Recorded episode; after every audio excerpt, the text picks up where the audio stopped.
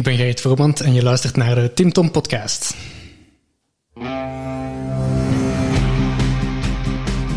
Welkom bij de Tim Tom podcast. Ik ben Timothy En ik ben Tom. Samen zijn wij jouw GPS naar geluk en succes. Dag lieve luisteraar. Ik kan me zomaar voorstellen dat je tijdens het luisteren van deze podcast plotseling zin krijgt om van alles op te schrijven. Wat zou jij nu werkelijk willen met al die inspiratie en al die inspirerende gasten? Maar dat is nogthans helemaal niet nodig. Oeh, dat is niet nodig. Hé, hey, kan ik dat niet allemaal niet onthouden? Ze? En eh, wie gaat dat opschrijven voor mij? De kaboutertjes misschien? Nee, maar dat hebben wij al voor jou gedaan. Surf naar www.timtompodcast.com en daar vind je een blog boordevol tips en wijze inzichten van onze gast. En als je er dan toch bent, download dan meteen ons gratis e-book vol boekentips, luistertips en nog meer inspiratie voor jouw persoonlijke groei. Dag lieve luisteraars en welkom bij alweer een nieuwe aflevering van de Tim Tom podcast. Ja, en niet zomaar een aflevering. Nee, het is onze eerste aflevering van 2024 die we opnemen. Die we opnemen in ieder geval. Ja. En uh, ja, ook niet zomaar iemand, want we hebben uh, Gerrit Vromand in onze podcast. Woehoe. En Gerrit, ja, die, die zit toch wel... Eigenlijk hebben we zo een beetje... Uh, is het raar dat hij nu pas in onze podcast ja, komt? hij, staat al lang, hij zit al lang op, op onze radar. Hè. Ja, en op de wachtlijst ook. En ja, het lot wil dat, dat het nu pas opgenomen wordt. Soms hebben wij mensen die bellen van, oh, ik wil jullie jullie podcast uh, te gast zijn en die mogen een dag nadien al komen. Uh, bij Gerrit, die heeft drie jaar moeten wachten, of vier jaar. Ja. ja. Dus wanneer dat die zo wat van die zware jongens naar ons stuurden en uh, dan we er lijfelijk werden aangesproken en met wat duw- en trekwerk, dan we dachten, ja, het wordt echt tijd dat we hem even laten zijn woorden kunnen doen, hè. Ja, inderdaad. Ja, en, en, terwijl we dit opnemen, uh, hoorde ik net ons introgesprekje, uh, waar we het hebben over uh, ja, ons e-book. Maar dat gaan we ook vervangen na vandaag, want ja, Gerrit zit hier nu in onze podcast, maar we hebben al een, een heuse lichaamswerk slash... Transformatie, slash business coaching. Hypnosis, ja, noem het maar allemaal op. Het was uh, heel verhelderend. Ik uh, moet zeggen, als je de prettige gevoelens mocht uh, verspreiden van het puntje van je hoofd tot de topjes van je tenen, ja, dat deed toch wat, hè? Ik heb het voelen stromen. Zeker, ja. Dus het is niet alleen een marketingdeskundige, maar ook, ja, breadworker. Ja. ja. En ja, als je die twee dingen kan combineren, dan kan alleen maar iets moois uit ontstaan, hè? Mm -hmm. Klopt. Dag Gerrit. Welkom bij ons in de podcast. Dank u. Dank u. Ja, de factuur van het ziekenhuis ga ik u nog wel geven, want een van die zware jongens was toch wel redelijk hardhandig. Ja. Dat ik dacht van, oeh, moet me de Gerrit nu toch wel dringend hier uh, uitnodigen. Ja, Dus soms... de ziekenhuiskost voor die gasten. ja. ja. Ja, kijk, soms moet het op een andere manier gebeuren. Lichaamsgericht, hè? Ja, maar het is, je ziet mensen, ja, als je creatief bent, ja, om in de podcast te komen bij ons, wordt de plaatsjes worden duur. Zo simpel is het. De Ja. wachtlijst zwelt aanzienlijk en uh, aan, ja, aanzwellen. Ja, of, Ja, te aan. Ja. Kan ook niet anders met zo'n populaire podcast, hè? Van die twee fantastische gasten hier. Uh, is punten dat scoren. Ja, ja, ja, ja. En hij denkt dat we hem gaan sparen nu. Hè. You wish, jongen. We zullen beginnen met die vraag van onze vorige gast. Oh ja, Ja, ja. Daar komt hij. Wat is weten voor jou? wat is weten? Oh, zoveel niveaus in die vraag. wat is weten? Ehm wel, je kunt weten en je kunt weten, hè.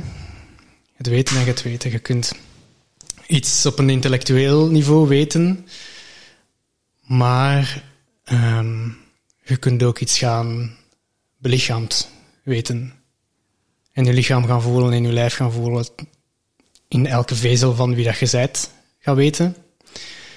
En zo Zo weten we allemaal dat het belangrijk is om voldoende te bewegen en om gezond te eten. En, uh, en doen we dat toch niet altijd allemaal? Toch zetten wij friet met naar binnen te werken. Ja. Ja, ja, ja. dat is wel lekker. Ja, ja. ja. Uh, dus we weten allemaal heel veel, maar belichamen we dat ook en weten we dat ook in elke cel van ons lijf. En um, dus ja, je hebt weten en je hebt weten, je hebt... Ik weet het op een intellectueel niveau. Ik zou dit moeten doen. Um, en je hebt leven. Is dat dan zo van, ik voel het, dat dat nog een dieper weten is? Als je het in elke cel voelt, komt dan het voelaspect er ook bij kijken? En het gewoon weten vanuit de mind? Ja, ik denk wel... Um, we hebben verschillende niveaus waarop dat we leven, waarop dat we leven hè, waarop dat we in de wereld staan. We hebben zo van, we doen dingen, we, we denken dingen met ons hoofd en we, en we voelen dingen met ons lijf. En um, we weten is iets dat in ons hoofd zit. Um, maar als we zoveel dieper gaan in ons lijf, dan, dan je zegt ook niet, ik weet dat ik dom ben, of ik weet dat ik een vader ben. We zijn dat gewoon. En dus weten is nog is zo op een intellectueel niveau, maar het zijn is gewoon nog een laagje dieper en dat is gewoon ook veel interessanter. En, en daarom ook wat we, wat we in, deze, in de workshop hebben gedaan deze morgen en waarom dat ik, en waarom dat ik niet zomaar marketing of business coaching doe, is omdat we um, omdat, om die dingen te gaan uitvoeren, om die dingen te gaan doen, is het zoveel belangrijker dat we kunnen zijn wie dat we zijn en dat we dat kunnen voelen in elke cel van ons lichaam. In plaats van dat we zeggen van, ah, ik weet eigenlijk dat ik regelmatig op Instagram zou moeten posten, of ik weet eigenlijk dat het belangrijk is om goed gezond te eten. Ja, maar als we het niet doen, dan weten we het eigenlijk niet genoeg. Eh, wat is er voor jou nodig om van weten naar doen te gaan? Zijn. Je moet zijn. Um, en, maar dan moet je er niks voor doen, voor zijn, om te zijn? Om doen, doen komt na het zijn. En we kunnen gaan zijn, proberen forceren door te doen, maar dat is vaak gewoon maar tijdelijk. En we zijn begin januari, uh, iedereen heeft wel goede voornemens.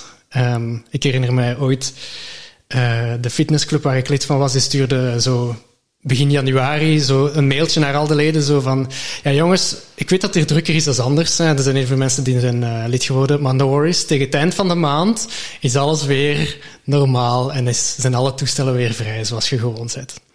Ja, dat, is, dat is niet alleen maar een fabeltje, maar gewoon na een aantal weken in januari zijn de mensen hun goede voornemens kwijt. Dat is omdat we proberen te doen zonder dat we zijn.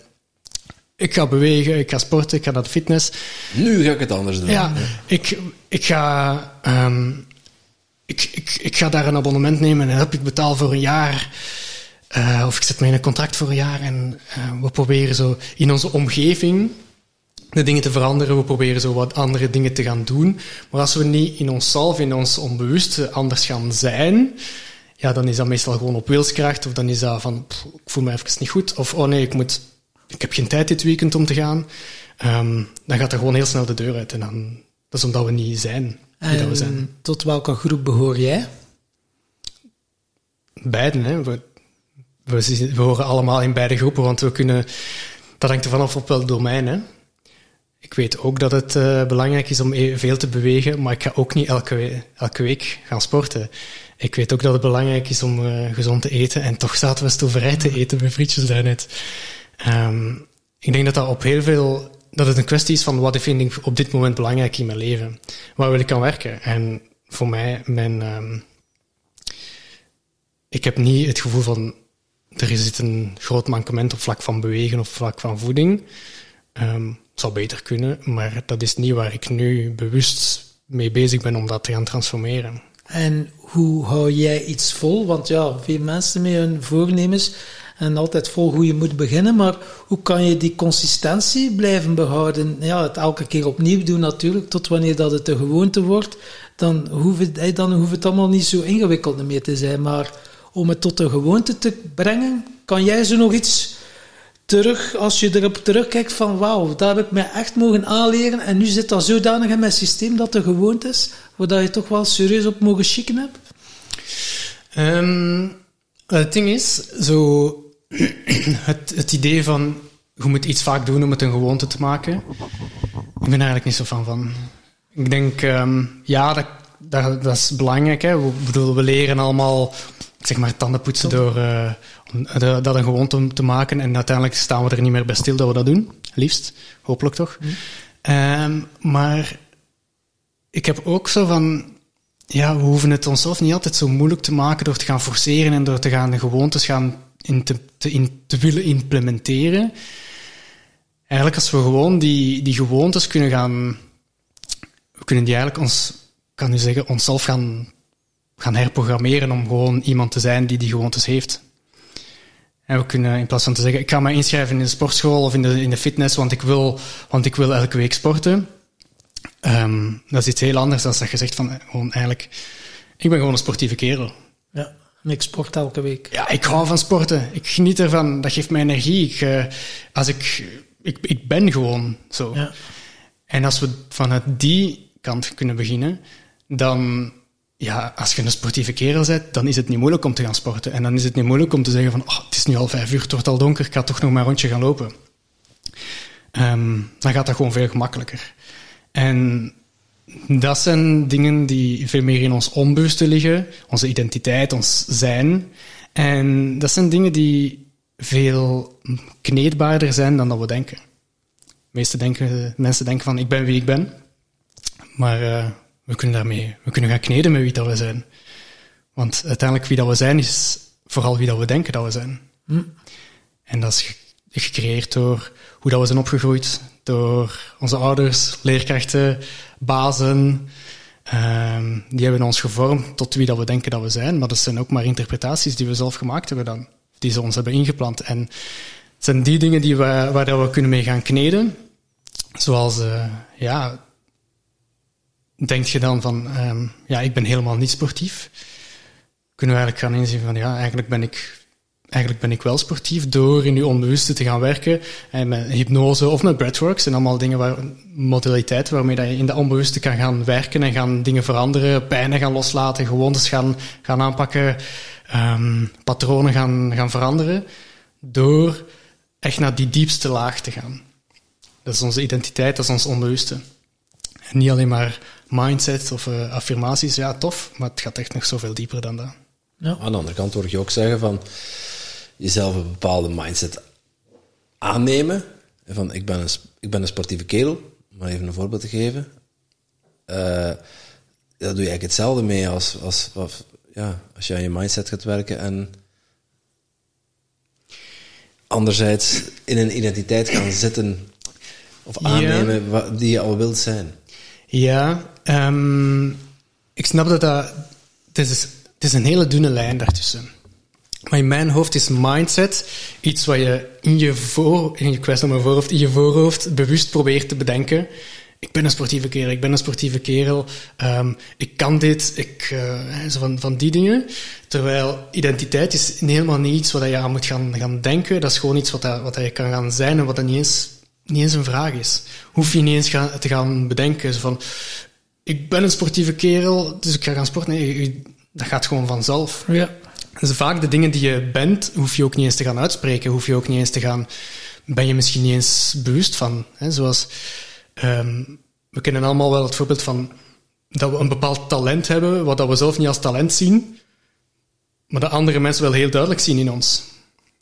Oké, okay, je bent eigenlijk een fantastische vragensteller, um, maar je zegt, ja, weet ik veel, dat gaat zo vanzelf. Dat is gewoon zo gemakkelijk. Ik wist niet dat andere mensen dat niet konden. Ja, dus omdat je, je, hoeft dan, je hoeft jezelf niet te gaan zeggen van ik ben een goede vraagsteller, ik ben een goede vraagsteller. Nee, dat gaat gewoon vanzelf. Ja. En dat is gewoon een deel van wie dat je bent. En dat is zo onbewust dat je daar eigenlijk niet, niet stilstaat. Nee. Ze zitten te knikken, zij heeft het niet tegen u. dat is zijn humor. Ja. Hij is ongelooflijk. Zelfs in 20, zijn, humor is die, zijn humor is ongelooflijk. Ja. Daar moeten zelfs niet over nadenken. Ja, ja dat is zo grappig. Misschien is best niet. Zo grappig is hij, ja. Dank u. Maar echt, eh, uzelf dat aannemen, uh, dat vraagt wel een bepaalde inzicht in uw, ja, de gelaagdheid van uw bewustzijn, om dat in uw onderbewustzijn goed te implementeren, zodat je echt daarin kunt, kunt gaan staan. Want je, je hebt het niet alleen over cognitief begrijpen uh, en weten, maar ook over het ja, het zijnstuk. Mhm. En we hebben bewustzijn en we hebben onbewustzijn. Mhm. Als ik, als ik het even mag afpellen tot die twee.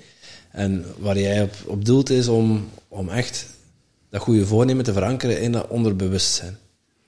Ja, ja. Ehm, en ja, het gaat veel verder dan, dan gewoon goede voornemens. Het gaat eigenlijk op, op alle vlakken. En ik werk meestal met ondernemers.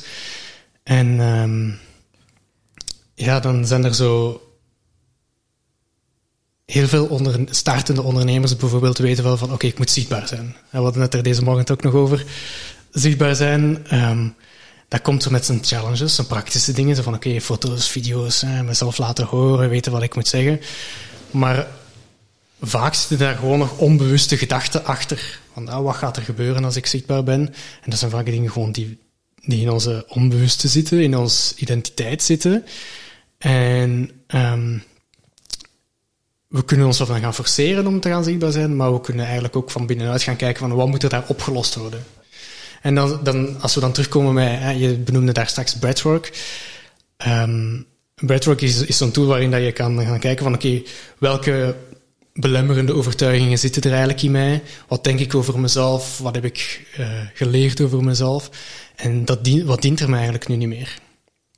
En dan gaan we, ja, dan kunnen we daarmee gaan, eigenlijk in die pot gaan roeren van wat zit er allemaal binnen in u, in uw onbewuste, waar je misschien niet eens, niet eens bewust van bent. Maar kunnen we daarin gaan roeren, gaan kijken wat er eigenlijk loskomt en dan zo de, de aangebakken stukjes zo uit de, uit de pot gaan weghalen, zodat je eigenlijk wel uh, kunt die zichtbaarheid gaan uh, durven zichtbaar zijn. Ik had zo laatst een klant en die, die had het gevoel van, ik moet, ik kan nooit rusten. Ik moet altijd keihard werken. Ik ben, ben precies, um, hij zat in een yoga studio en zat zoiets van, oh, ik zou eigenlijk zo graag die week, gewoon eens een week de deuren toedoen en op vakantie gaan en zoiets van, ja, mensen zullen wel terugkomen als ik terug ben van vakantie. Mensen, het komt allemaal wel goed. En dan zo in een breathwork sessie gaan, gaan komen dan zo de inzichten naar boven. Zo van ja, ik heb eigenlijk toen ik jong was iemand heel belangrijk in mijn leven verloren. Die was gestorven. En nergens zit ik nu met het gevoel van ik moet leven voor twee. Ik moet werken voor twee. En daardoor, door dat inzicht, van dat, wat je zo onmogelijk kunt bedenken van ik ben, ik wil mijn yoga studio niet een week sluiten omdat ik toen, en al die jaren geleden, iemand heb verloren.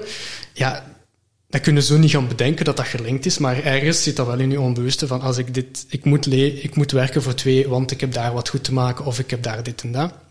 En een keer dat je daarvan bewust bent, kun je daar anders naar gaan kijken.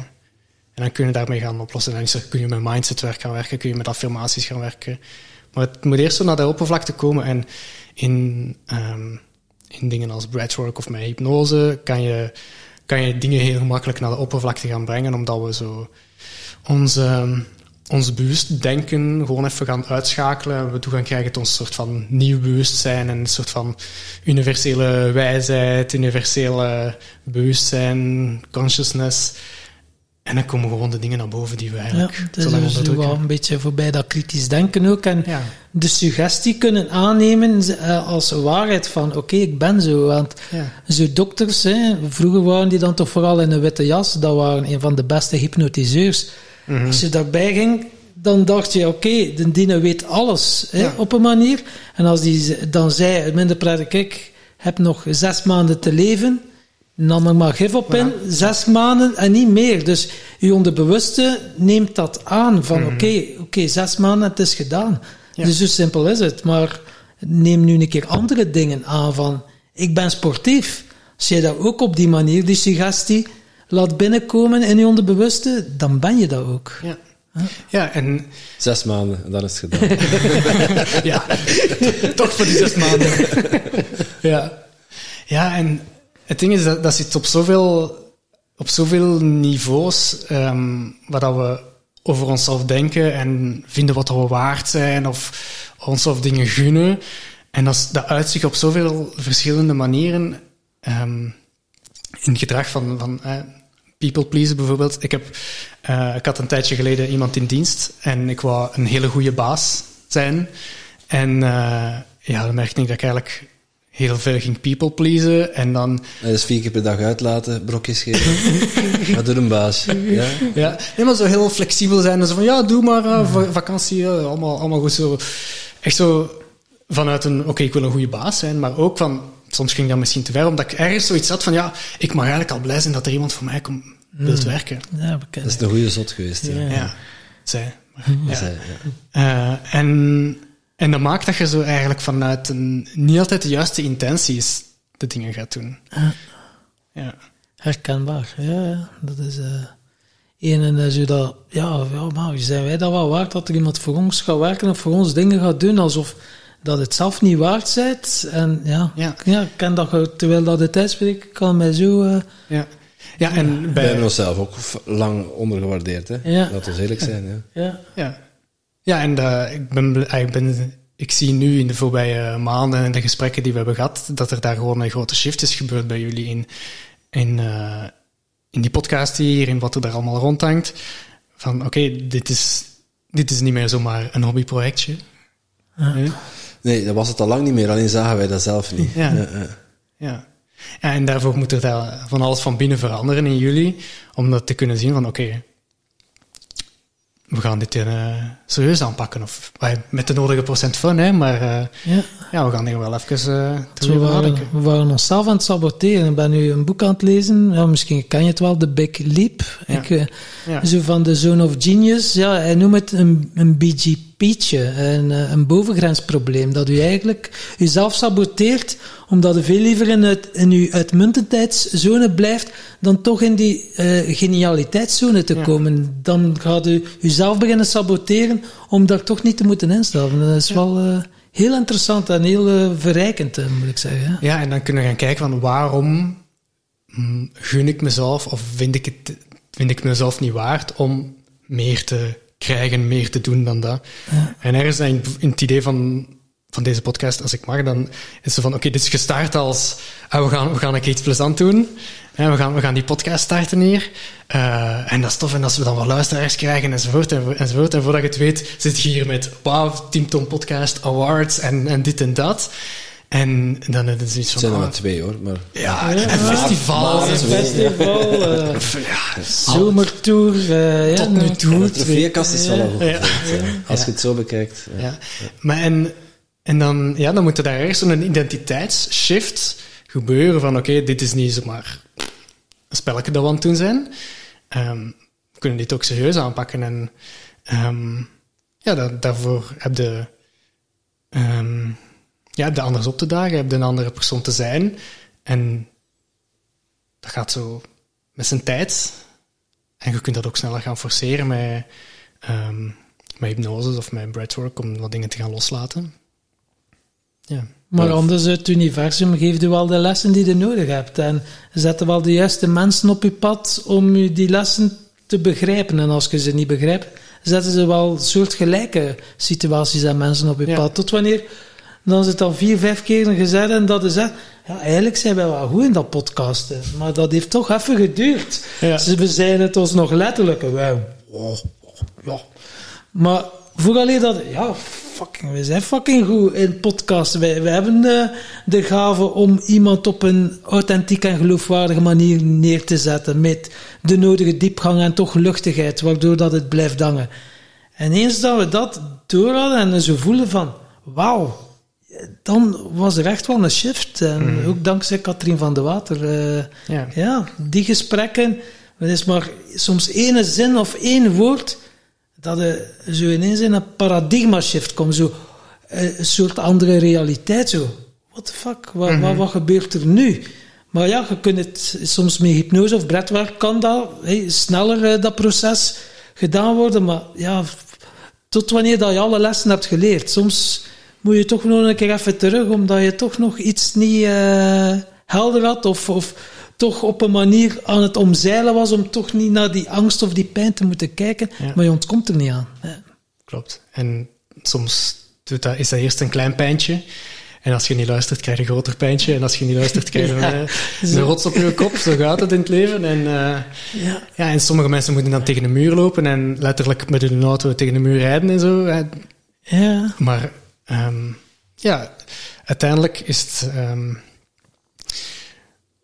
als we... Ja, als we gewoon altijd gaan kijken naar van... Oké, wie, wie ben ik echt? En kan ik mezelf gunnen? En kan ik eh, het mezelf waard vinden dat ik gewoon mag podcasten en dat leuk vinden en daar, en daar mijn geld mee verdienen? En eh, ja, dan, dan unlockt je eigenlijk een soort van nieuw level waardoor dat de rem eraf gaat, waardoor dat je helemaal kunt smijten en waardoor je gewoon nog meer ehm, ervan kunt genieten. Ja, absoluut. Ja, je had het net over pijntjes. Eh, we hebben onze pijntjes eh, ook al gehad. Eh, maar ik ben wel benieuwd naar die van jou. Waar, eh, waar zitten bij jou, de, laten we ze de groeipijnen noemen. Eh, ja. Ehm, ik eh, ben in zomer 2022 ehm, ben ik gestopt met werken. Ik ben eigenlijk al acht jaar zelfstandig en ik eh, al acht jaar marketing en business coach. Ehm, Zo na een bezoekje aan het Timpton Festival dacht je, het is... eh, is goed geweest, eh, stop met ergens, ehm, ja, misschien, misschien wel zoiets. Ehm, nee, ik, mer- ik merkte in, in september 2022 ben ik, eh, ben ik eigenlijk op sabbatical gegaan. En ik noem dat sabbatical, maar dat is eigenlijk een woord voor... Ik ben net op tijd gestopt om niet in burn-out te belanden. Dus ik ben gestopt met werk en eigenlijk alle commitments laten vallen. En wat ik daarvoor deed was vooral... ik had zo de, de business waar heel veel mensen eh, naar streven. Een zo goed als passieve business met eh hoeveel klanten in een membership, waar ik eigenlijk niet zoveel voor moest doen. Ehm, en ik had dan eh, samen met Elke, en mijn vriendin, we werkten dan samen. En ik had, dan, ik had dan mensen in dienst die bepaalde dingen voor mij deden. Een freelancer die de mailbox beheerde. Eigenlijk was zo, ik had zo de business gebouwd die iedereen, die iedereen denkt van dit is wat iedereen wilt. zo moet het. Ja. Ja, zo moet het. Ehm, en dan merkte ik zo in de zomer van 2022 zo van de vrijdagnamiddag zo in de zetel ploffen en zo van ah, phew, ben blij dat het weekend is. Oh, wacht. Ik ben ondernemer, ik ben zelfstandig, ik kies helemaal zelf hoe ik, wat ik doe en toch heb ik zoiets van, oh, ik ben blij dat het weekend is. En dan kijken, ah, wat heb ik eigenlijk deze week gedaan? En dat was eigenlijk al een moeilijke vraag. Wat heb ik deze week gedaan? Ik moest echt heel goed gaan kijken in mijn agenda en gaan nadenken van, wat heb ik allemaal gedaan? En dan zo dat lijstje gaan bekijken en dan zo, hm, wat vond ik daar eigenlijk leuk in? Wat heeft mij echt voldoening gegeven deze week? En het antwoord was heel weinig. En dat terwijl je zo een business hebt gebouwd, met omzet waar heel veel mensen naar opkijken, met team rond u, ehm, met eh, veel, veel klanten en heel veel passief met online programma's enzovoort. En ik had zoiets van, ja nee, dit is het niet. En dan dan ehm, had ik zo nog iets van, oké, ik ga nog, nog één lancering doen van ons eh, programma. Ehm, en de keer daarvoor dat we dat deden, hadden we zo 30 deelnemers. Ik had zoiets van, oh, ga, ik ben dan wel een ambitieus, ik zit er wel een grote doel. Ik had zoiets van, we gaan voor de 100. En eh, uiteindelijk met die lancering, in plaats van 100, waren er 11 mensen ingeschreven. Ehm, dus dat was zo wel ook van buitenaf zo'n teken van, hm, Gerrit, hier klopt iets niet. En ja, toen, toen heb ik gezegd van oké, tijd om even te bezinnen, even alles neer te leggen en een sabbatical te doen. Ik heb dat programma gedaan met de mensen. Dat was gelukkig een programma dat, we, dat ik had liggen, dus ik moest daar niks creëren. Ik moest er gewoon zijn voor de mensen. En dan dat- die coaching calls doen en dat event doen en zo, dat, was, dat ging allemaal goed. Dat deed ik graag. Ehm, maar eigenlijk zo heel veel van de andere dingen die erbij is zoiets van, ik wil eigenlijk niks meer doen. Ik ben toen ook van social media verdwenen, niks meer gedaan van marketing en zo. Terwijl ik al acht jaar mijn boel aan het opbouwen was en zo nog al acht jaar nog nooit een week had gemist waarin ik niet ge-mailed had naar, eh, naar de mensen. En eh, toen stilgelegd. En eh, heel diep gaan kijken naar van oké, wie ben ik? Wat wil ik? Mijn plezier gaan terugvinden. Zo van oké, wat doe ik eigenlijk graag? Gaan wandelen, gaan lopen. Ben begonnen met muurklimmen, met vrienden afspreken. Ehm, zo gewoon van wat kan ik doen op een dag dat mij plezier heeft? En ik had dat wel zo wat... Ik moest dan 's morgens mijn jongens gaan afzetten op school en ze gaan halen op school. Dus dat was zo van, oké, ik heb daar... Wat heb je dan? Zes uurtjes of zo voor jezelf? Ehm, ja, gewoon kijken wat vind ik leuk. En die dingen gaan doen. En ehm, een van de dingen die ik toen ben tegengekomen is onder andere breathwork. Eh, ik ben toen zo online sessies breathwork beginnen doen. Ik ben zelfs op een eh, vijfdaagse breathwork geweest. Vijfdaagse breathwork retreat bij Liv van Weddingen. Ik weet niet of jullie haar kennen. Mhm. Zeker, ook al in onze podcast Ja, geweest. ja. Eh, Ons festival. Ja, m- bij haar geweest, heeft eh, heel veel in gang gezet ook. En toen had ik ook zoiets van, ja, die, dat, hier is het programmaatje, hier zijn de video's, dit is wat je moet doen om goede marketing te doen, zoals ik het deed bij mijn klanten. Ja, dat was niet meer hoe dat ik wou verder gaan. Eh, dus hebben we eigenlijk heel die boel zo'n soort van uitverkoop gedaan, gewoon om er vanaf te zijn van, oké, nog een laatste keer als je het wilt hebben, hier is het. Eh, maar vanaf nu ga ik anders gaan werken. En veel meer gaan lichaamsgericht gaan werken, veel meer gaan voelen. Echt gewoon ook één op één gaan werken met mijn klanten om te kunnen kijken van oké, waar zit je vast? Kunnen voelen van oké, zit er daar iets dat u, dat u nog tegenhoudt? Oké, moeten we dat even gaan los gaan werken? Moeten we daar wat gaan, wat gaan aan gaan kneden aan die identiteit? En zo, ehm, ja, zo ben ik dan begonnen, ja, ik kan zeggen begonnen eigenlijk, een beetje een shift gemaakt in hoe dat ik, hoe dat werk en hoe ik mezelf positioneer als eh, marketing- en business coach. In ehm, hoe dat ik, eh, ja, in de, het verschil dat ik maak bij mijn klanten. Ehm, maar dat was wel een hele pijnlijke om zo te moeten in sabbatical gaan. Om ehm, te weten van, als ik dit nu anders blijf doen, dan, dan ga ik echt gewoon tegen de muur lopen. Om, ehm, omdat je zo, als je zelfstandig bent, dan heb je wel iets van, ik kan hier mijn eigen regels bepalen. Ja, en nergens toch hebben ze gevolgd. van je hebt geen terugval, je, hebt- je hebt geen vangnet onder je. Ja, en ik had dan wel, eh, mijn vriendin Elke, die heeft dan wel de boel draaiende gehouden, eh, zodat, de, zodat dat wel werkte, Ehm, onze business. Maar ehm, ja, het is wel heel confronterend om zo te merken van, dit is wat ik heb opgebouwd en ik wil het niet langer. Ik dacht dat dit me voldoening ging geven en nergens doet het me niks. Dat is wel eh, een moeilijke eigenlijk. Want ja, dat is nog anders als, als werknemer. Want dat heb ik ook gehad, hè, zoveel, een aantal jaar daarvoor. Eh, toen ik dan daarna zelfstandig ben geworden, dan heb ik zoiets van, oké, ik zit hier in een systeem en dat, dat systeem past niet meer bij mij. Maar hier zit ik nu in een systeem en ik heb het systeem zelf gemaakt. Ik heb die helemaal zelf opgezet. Ik heb elke beslissing genomen. Ik heb zelf gekozen om iemand in dienst te nemen. Ik heb zelf gekozen om deze taken die ik eigenlijk tot nu toe deed bij iemand anders te zeggen. Ik heb zelf gekozen om dit ga ik wel doen en dit ga ik niet doen. En om dan te zeggen van, ja, dit is het toch niet? Nadat je er zo fucking hard voor gewerkt hebt, jarenlang aan gewerkt hebt, en la, dat is, ja, dat is wel een moeilijk om even binnen te pakken. Zo. Ja. En wat is er nu anders als je de Gerrit van eh, ja, pak vier jaar geleden en eh, de Gerrit die nu voor ons zit? Wat is er dan anders aan hem? Aan jou? Ehm, deze Gerrit gaat veel meer voelen. Voelen aan wat speelt er van binnen, wat wil ik eigenlijk echt. Niet alleen meer maar gaan denken. Ehm, is een, eh, is een lang traject geweest eigenlijk ook met mijn, met mijn coach. Van leren voelen. Leren ehm, ja, de highs en de lows, de emoties, de, de gevoelens, de intuïtie. Wat leeft er van binnen in mij? Dan een plek geven, er te laten zijn. De goede, de goede momenten, de, de pijnlijke momenten.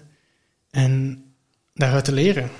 Zo van, wat neem ik hieruit mee als ik, zo, als ik mij ergens verdrietig voel? Oké, mag dat er zijn? Ja, laat maar even stromen. Ehm, wil ik dat proberen te verklaren? Misschien wel, misschien niet.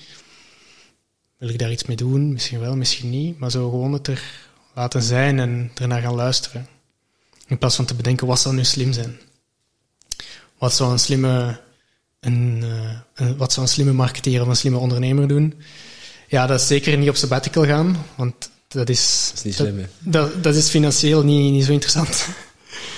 Eh, dat brengt niet zoveel op. Ehm, Sterker nog, ja. het een hoop kost. Ja. Ja, ja. Ehm, ja, en ook zo ehm, om dan die te beslissen om dan de, de membership die we hadden, waarvan ik voelde van dit klopt niet meer, om dat dan ook effectief te gaan stopzetten, terwijl er daar nog klanten in zaten, mensen die hadden vooruit betaald, dan moeten ze zeggen van oké, ik weet dat je vooruit betaald hebt, maar we gaan ermee stoppen, dus je krijgt een deel van je investering terug. Ehm, ja, dat is niet slim hè, om mensen een refund te geven omdat je zelf beslist om te stoppen met iets. Maar dat voelde wel als van, oké, dit is nu juist. En dus het grootste verschil tussen ik nu en de Gerrit van vier jaar geleden is dat er niet alleen gedacht wordt, maar ook gevoeld. En hoe maakt het dan zo'n beslissing? Want ja, veel mensen hebben zo wel dat gevoel, oh, ik zit hier eigenlijk op een job dat ik echt niet meer graag doe. Maar ja, dan komen al de ja, excuses of, of nee, of wel uh, dingetjes. Maar ja, moet toch wel zien dat er geld in het laatje komt, moet toch dat, dat. Hè. Dan vinden zodanig veel uh, excuses om dan toch nog dat werk te blijven doen. Maar mm-hmm. je hebt dan wel radicaal gezegd van oké, okay, het, het liep nog goed, maar je kreeg er geen voldoening meer van. Ik stop. Mm-hmm. Of was dat alsof dat je niet anders kon? Dat je, dat je werd gedwongen ergens van, van bovenaf zo, dat is het gevoel, wow, nee, ik, ik moet hier stoppen. Ja, bij mij was het, als ik gewoon blijf doordoen, dan gaat het gewoon... Ik zeg daar heel duidelijk van, oké, okay, ik wou 100 mensen, er waren er maar 11 teken van, oké, okay, als ik dit gewoon blijf doordoen, dan is het volgende keer gewoon vijf. En dan is het volgende keer gewoon drie. En ja, dat is ook niet interessant financieel om zo een huh? programma te blijven doen met te weinig deelnemers. Um, dus ik had zowel die tekens van binnen en van buiten. Um, de tekens van buiten bevestigen dan mijn gevoel van binnen.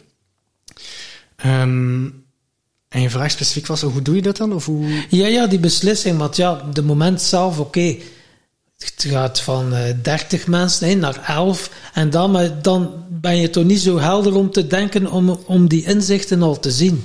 Van. Ja, ik denk daar voor mij, toen het er 11 waren in plaats van de 100 die ik had verwacht, dat was voor mij zo de feiten op de neus. Eigenlijk had ik al, moest ik echt gewoon heel goed geluisterd hebben dan dat ik maanden eerder al okay. die beslissing genomen. Want ergens zat ik zo nog in de zomer, zo van oké, okay, ik kan nog dat programma doen in september. September is een ideaal moment voor mensen, eh, dat was voor startende coaches. September is zo de, de tweede 1 januari. We gaan er ergens voor, we gaan, we gaan een nieuw... Het is een ideaal moment om dat te gaan doen. En dat is mijn denkende hoofd die dat dan denkt van een goed moment om dat te gaan doen. We hebben een goede prijs, we hebben een goed aanbod. Ik heb dit al verkocht, ik weet hoe, het, hoe ik het ga verkopen. Het, het, programma is al gemaakt. We hebben daar fantastische succesverhalen van mensen die het gedaan hebben. Dus in mijn hoofd klopte alles. Maar ergens in mijn lijf voelde het van, ja, ik kan niet anders dan dit doen. Maar als ik de keuze had tussen Um, als ik het ook had gezien als een optie dat ik het gewoon niet kon doen en dat ik gewoon in, ik zeg maar in juli al kon zeggen van ik ga in sabbatical, um, dan, ja, dan had het gewoon heel, dan had, als ik daarnaar had kunnen luisteren, dan had het gewoon eerder, had ik niet zo die, die, dat deksel op de neus moeten hebben. En, en dat is wat er vaak gebeurt. Ik, ik, ik hoor zoveel verhalen van mensen met een burn-out die letterlijk met hun auto tegen de garagepoort of tegen een muur of tegen een andere auto rijden. Dat is zo letterlijk die klap die je nodig hebt. Bij mij was het gelukkig geen fysiek accident, maar dat was gewoon van een, een tegenslag. Um, en evengoed dat ik die tegenslag kunnen verklaren van ja, de economie zit niet zo goed en het was slechte timing en Ja. onze advertenties waren te duur en dit en dat. Maar ik weet ook hoe genoeg, dan moeten we gewoon even naar binnen kijken. En als ik daar voel van ja, misschien was het toch niet zo slim om dit, dit toch te doen, ja, dan zit daar, zit daar het belangrijkste. En die externe factoren, misschien spelen die ook wel een rol. Ehm, maar eigenlijk had ik het al lang kunnen weten. Dus dat zijn die, die, die pijntjes, hè? Ja. Die pijntjes, het begint, het begint met een kleintje, zo'n ongemakkelijkheid. En zo van, hmm, ik weet het niet. En ehm, ja, probeer daarnaar te luisteren. Probeer gewoon even de stilte te nemen, te gaan zitten. Daar hebben we vaak geen tijd voor. Hè. Ja, Zeker als zelfstandig ondernemer, daar heb je, je hebt geen tijd om te gaan zitten en voelen en nadenken. En er moet brood op de plank komen. ja. Moet gewerkt worden. Ja, en dat is, ehm, dat is zo'n grote valkuil. Hè? En het ding is, als, als ondernemer specifiek, maar dat geldt eigenlijk voor iedereen, we worden zoveel geleerd om dingen op een bepaalde manier te doen, maar wat er eigenlijk het best werkt, is vaak het omgekeerde. Vertragen, verstillen, voordat je ergens in vliegt. Ze zeggen hè, vertragen om te versnellen. Hè. Ja. Ja. Reculer pour mieux sauter. Ja. Zeggen ze dan ook wel eens. Even gewoon, ja, ehm, vertragen en verstillen. En ik was deze morgen nog, eh, toen ik naar hier aan het rijden was, een gesprek met een, met een CEO van een, eh, van best een groot bedrijf. Eh, CEO van meerdere grote bedrijven in, eh, in België en in Europa en in Afrika. Ehm, eh, ik, had, ik had hem iets gestuurd over breathwork en hij zei, oh interessant, bel mij. Ik bel hem deze morgen en hij zegt, ja, ik mediteer elke dag, zeven dagen op zeven, twee tot drie uur per dag. Zie een CEO van meerdere bedrijven die heel veel dingen gaande heeft. Ik mediteer twee tot drie uur per dag. En nergens, natuurlijk gaat er in ons hoofd zo van, hoe, hoe heeft die man daar tijd voor? Hoe kan dat? En tegelijk ook zo van, ja, maar hij kan dat, want hij is een CEO en heeft dan mensen die voor hem werken. En zo al die verhalen, die, die, die, die excuses die gaan in ons hoofd. Ja, bij mij kan dat niet, ik heb kinderen, ik, heb, ik moet de jongens naar school brengen, ik moet rekeningen betalen. Al die excuses, die zijn er ook wel bij ons, maar ergens... Misschien hoeven we niet twee of drie uur per dag elke dag te gaan mediteren. Maar kunnen we gewoon even tien minuten gaan zitten en zeggen van, ik ga nu even gewoon ademen, mijn ogen sluiten, een goed muziekje opzetten en proberen aan niks anders te denken. En jij mediteert? Dagelijks? Drie à vier uur per dag. Ik mediteer, Ik- ik mediteer niet dagelijks. Ik mediteer, ehm, en ik mediteer ook op een best een eh, speciale manier. Mijn mediteren is soms gewoon naar muziek luisteren. Ehm, koptelefoon op, muziek goed uit. Gewoon even zitten en niks doen. Soms is dat gewoon vijf minuutjes. Eh, soms, ehm, dat is een vorm van meditatie. Is dat dan Metallica? Eh, nee, maar wel soms zo ehm, Eye of the Tiger. Ah, ja. Ja, zo. Oké. En, Survivor. ja, en ik heb zo een hele, zo'n akoestische versie daarvan, dan luister ik daarnaar. En dan ehm, heb ik de, de echte versie, die wat meer, ja, ik kan niet zeggen hardrock is, maar wel een beetje meer, eh eh, wat harder gaat. En dan doe ik mijn bokshandschoenen aan en dan sta ik, sta wat te boksen daarin. Op, op het ritme. En dat is ook mediteren. Dat is ook gewoon even gaan bewegen en zo de energie voelen stromen. Die, die muziek, die roept energie op. En ik laat, die, ik laat mijn lichaam volgen. En dan is. Zo met, met dat ritme, dat boksen. eh, ja, dan... En dan aan uw bureau gaan zitten. Ja, je gaat heel anders aan je dag beginnen dan, dan als je gewoon gaat zitten, geploft in neer, je een mailbox. bokzak, ja. Is dat de bokser of de bokzak? Ja, zijn er een bokser of een bokzak, ja. Ja. ja, en dus ik zeg nu, ik doe mijn bokshandschoenen aan, maar je hebt, je hebt dat niet eens nodig, hè, bokshandschoenen, om tegen de lucht te boksen. Nee. Ik heb zo ook geen bokzak thuis hangen. Ik, heb, je kunt gewoon een beetje tegen de lucht boksen, of tegen een plank, of tegen de muur. Of als je loondienst bent tegen hun baas. Bijvoorbeeld, ja. ja. Begint daar hun dag eens mee. En dat zijn de dingen, dat duurt dan vijf of tien minuutjes, waarin dat je je- jezelf helpt om even in een goede staat te komen.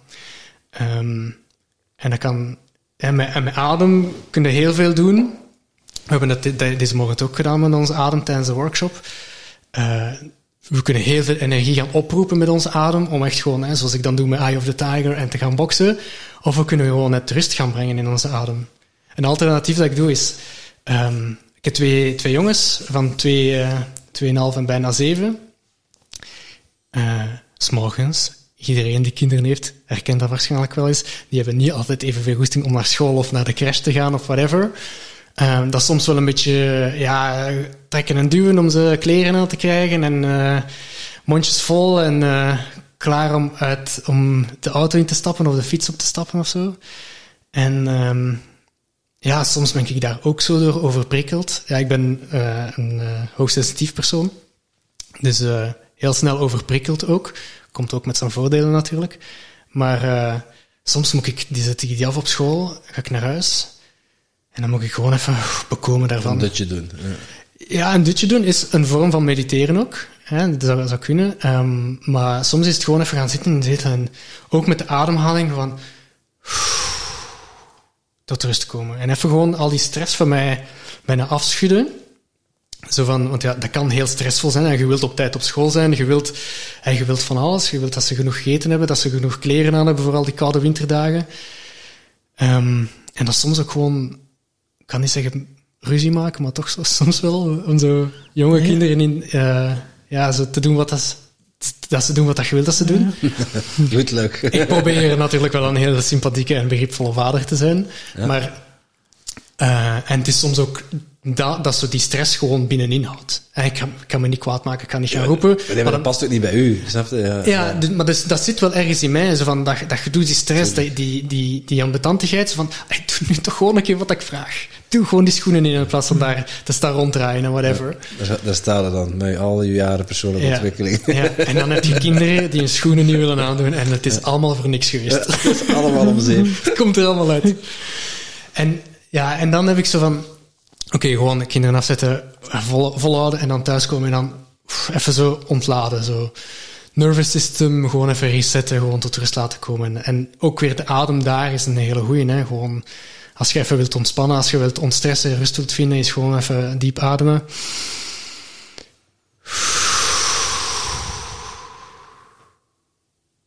Doe dat een paar keer. Doe dat een minuutje. En je gaat merken dat gewoon die stress gaat gewoon, die hebt gewoon weg. En het enige wat je moet doen is je adem, uitademhaling langer maken dan je inademhaling. En in, eh, in je nervous system, je zenuwstelsel gaat gewoon gaan kalmeren. Omdat je, omdat je zo, ja, omdat je het kunt zeggen van het is oké. Dus Er is geen gevaar meer. Ja, het signaal dat je aan je lichaam afgeeft. Ja, ja en dat is, dat is het leuke aan waarom dat ik die, waarom dat zo de adem en, en breathwork heel, heel goed is, omdat je kunt er zoveel dingen mee doen. Het is eigenlijk, je adem is het enige ehm, deel van je levensfuncties die je kunt controleren. En je Tot- hartslag kun je niet controleren. zekere hoogte. Ja. Ja, ja, je kunt kiezen om je ademhaling in te houden. Je kunt kiezen om je ademhaling sneller of dieper of ho- hoger te maken. Je hartslag kun je niet zo rechtstreeks gaan controleren. U, hoe je bloed door je lijf stroomt, kun je niet gaan controleren. Hoe je hersenen draaien, kun je niet Nee, controleren. en, en, en zelfs 90% van de... Zelfs als je bewust zou zijn van je ademhaling, continu, dan is 90% van de tijd toch nog onbewust. Ja, ja, maar we kunnen op elk moment beslissen Kun je om kiezen van... Ja, ah, ik ga nu- Ik ga nu even niet ademen. Ja. even gewoon... ah, En dat zuchtje erbij. zo, Dat mag, dan moet je zo even een geluid bij maken. Zo. Ah, ja. En eh, dat is iets heel anders dan... Dat is Ja, een, als we- als we dat gaan is een andere sporten- podcast. Ja. Ja. Als we gaan sporten of zo, dan gaan we ook heel intens gaan ademen. Dat is omdat we energie willen krijgen. En als we willen ontspannen, ploft het moment dat je zo van je werk thuis komt of dat je zo eh, iets, iets ehm, intensief hebt gedaan, is ah, in de zetel ploffen en van, ah, daar is mijn rust. Voilà, kijk. Dat, zijn gewoon, dat, is, je- dat is je lichaam en je hersenen dat gaan samenwerken van, oké, ontspan maar. En dat, dat werkt op, zo, dat werkt op, op, dat werkt twee kanten uit, hè. Je adem brengt ontspanning en ontspanning brengt een rustige adem. Maar dan bijvoorbeeld inderdaad, hm, uw werkdag zit erop, maar als zelfstandig ondernemer uw mensen in loondienst, oké, ze mogen eh, uitprikken, ze doet, en die hebben zit, ha, dagje zit erop. Maar als ondernemer, ja, dan zijn die tijdschema's toch net ietsje anders. En als je dan er zo dieper over nadenkt, dat is precies dat je constant bezig bent. Dat je precies geen uitknop hebt. Zo van, ha, nu is, dit, nu is het hier gedaan. Hoe doe jij dat? Wel, je moet een keer van thuis uit werken en samenwerken met je partner. Dat is eh, nog eens eh, dubbel zoveel dan. Ja. Ehm, hoe doe ik dat? In het begin, ehm, in het begin was er eigenlijk geen uitknop. En dat was oké. Want ja, ik- onderneemde, onderneem samen met Elke. We wonen samen. ehm, er, is, er was bijna altijd business. En soms zelfs in bed toe en in de slaapkamer en zo. Ehm, dat kwam overal mee. En Zo van, oh, gaan we nu de AIDA-formule een keer toepassen? oh, ja, dat is lang geleden. Geef me een keer de strengths en de weaknesses van wat we net gedaan hebben. Eh, en nee, ehm, dat was oké, totdat het gewoon niet meer was. En ik heb gemerkt dat in, ehm, en dat is het werk dat ik met mijn, met mijn life coach ook veel gedaan heb, aan wie, dat ik, aan wie dat ik vroeg van help mij ook voelen, want mijn life was zo een soort van, en vier, drie, vier, vier jaar geleden was zo'n soort van flatline. Alles was neutraal en ik voelde bijna niks. En ik zei tegen mijn coach toen ik met hem startte van, oké, leer me ook de highs en de lows voelen. En ik ben met mijn coach gegaan om te, om te leren wenen, om te leren voelen. En elke sessie start mij van, kom Gerrit, ademen, wenen, wenen. Hij zei dat niet zo letterlijk, maar dat was voelen, voelen, voelen. En dan kwamen er vaak tranen naar boven. Maar, ehm dus het, ja, hoe dat was oké in het begin, maar dan heb ik gemerkt van oké, dat maakte eigenlijk dat mijn relatie met Elke, dat dat eigenlijk vooral een businessrelatie was. En we hadden kinderen samen en we woonden samen, maar eigenlijk zo onze liefdesrelatie, die was zo'n beetje eh, minder aanwezig, is, aanwezig. Joris, mijn coach, liet me zo een pie chart tekenen van de besteding, tijdsbesteding die je hebt met je Elke, met je vriendin, in welke rol is dat?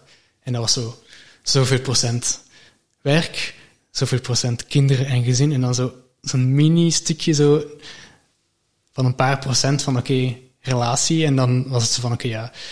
Ik denk dat we een paar grenzen moeten trekken in wanneer we over business babbelen en dus aan business denken. En als je ergens aan denkt, stel we liggen in bed en je denkt aan iets, schrijf het op of uh, ja, doe er iets mee, maar het hoeft hier nu geen plek te krijgen. En dat is, um, ik denk, een, ik kan niet zeggen dat dat nodig is voor iedereen, want in het begin was dat niet nodig, totdat het wel nodig werd. Totdat het probleem was, ja. Ja, totdat je merkt van, oké, er is hier... we zijn hier businesspartners. Ja, ja, en we zijn ook businesspartners, maar we, zijn ook levenspartners, liefdespartners. En um, dus dat zo... Ja, dat was... Omdat het zo heel duidelijk was in onze relatie, maakte dat wel heel... Maakte het net iets gemakkelijker om dan te gaan kijken van, oké, we hebben hier die grenzen te stellen en ik moet hier nu die uitknop zetten. Nu heb ik bijvoorbeeld ook, ja, als het vijf uur is, dan, um, dan, dan, stop ik mijn werken en dan ga ik, dan ga ik naar beneden en dan, dan babbel ik niet meer over werk. En elke geeft dat ook aan van, als ik dan toch iets zeg van, ah, ik heb met een die gebeld of zo, nog iets, iets wil vertellen, dan zegt ze, ik hoef dit nu niet te weten. Maar wat ik wel heb, is elke middag, met elke doen we, niet elke middag, meestal, smiddags eten we samen en dan bespreken we wel werkdingen nog. En dan, of we, plannen een meeting in, of we plannen... Ja, het, we werken al twee thuis, hè, maar dat is, ay, dat is zo... Toch moeten we dat gewoon inplannen. En dan, ja. Doe je dan een, een, een Zoom-meeting of een teamcall? dan is dat de, ver, de vergaderzaal boeken en uh, aan de keukentafel. ja. ja. Ik, ik, werk die, ik log digitaal in vandaag. Ja. ja. Nee, um, maar het ding is, die, ja, die grenzen die leert je ook doordat je erover gaat. Dat je merkt van, oké, we zijn... Bij mij was dat dan heel duidelijk met elke, maar gewoon als je alleen onderneemt, dan gaat je ook wel merken van, oh, ik ben hier eigenlijk bijvoorbeeld met mijn kinderen aan het spelen, maar ik ben eigenlijk aan mijn werk aan het denken. En dan ben ik de dag erna aan het werken en zie je, ja, ik wil eigenlijk wel beter met mijn kinderen gespeeld gisteren. Als je die tweestrijd begint te voelen, dan, begin, dan merk je van...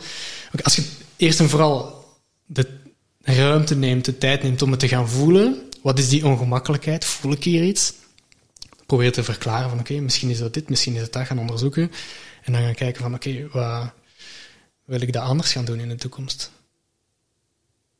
Dus ja, grenzen stellen. En soms is dat gewoon uren afbakenen.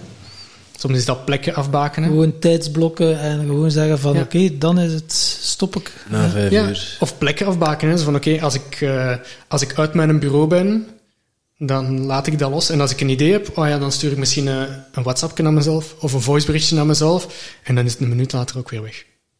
Kan ik het uit mijn hoofd zetten? Kan ik bij mijn gezin zijn, bij mijn vrouw zijn, bij, mijn, uh, bij mezelf zijn? Ja. Of is het continu in een bureau?